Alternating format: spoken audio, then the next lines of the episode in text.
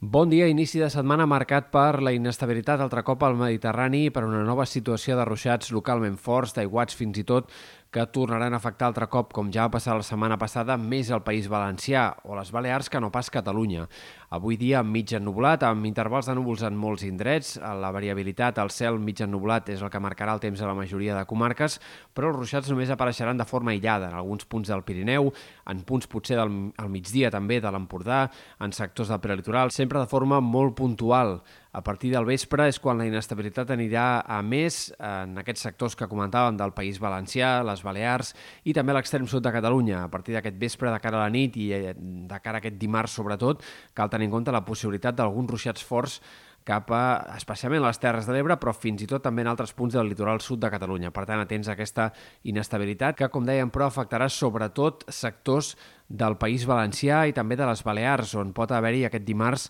eh, aiguats sobtats, ruixats irregulars, però que puguin deixar 20, 30, 40, fins i tot eh, més de 50 litres per metre quadrat en alguns casos. De fet, l'AEMET fins i tot té actiu un avís per la possibilitat que pugui haver-hi més de 100 litres per metre quadrat un altre cop a l'est de Mallorca, com ja va passar la setmana passada, i també hi ha perill alt per aiguats a les Pitiuses. Per tant, atents a aquests ruixats que, sobretot aquest dimarts, poden ser localment forts en diferents sectors del Mediterrani occidental. De cara als pròxims dies, el que esperem eh, és que a partir de dimecres la inestabilitat vagi de baixa, encara podria haver-hi alguns aiguats, sobretot al sud del País Valencià, però en general el temps tendirà a millorar i de cara a la segona part de la setmana més aviat entrarem en una fase d'estabilitat, d'anticicló i de predomini del sol i també en una fase important de pujada de temperatures. El fred continuarà sense aparèixer i eh, després d'una primera part de la setmana en què més aviat ens mantindrem en valors normals o una mica suaus per l'època però sense que faci calor, sí que a partir de divendres i de cara al cap de setmana les temperatures es podrien disparar, altre cop tindríem màximes de més de 25 graus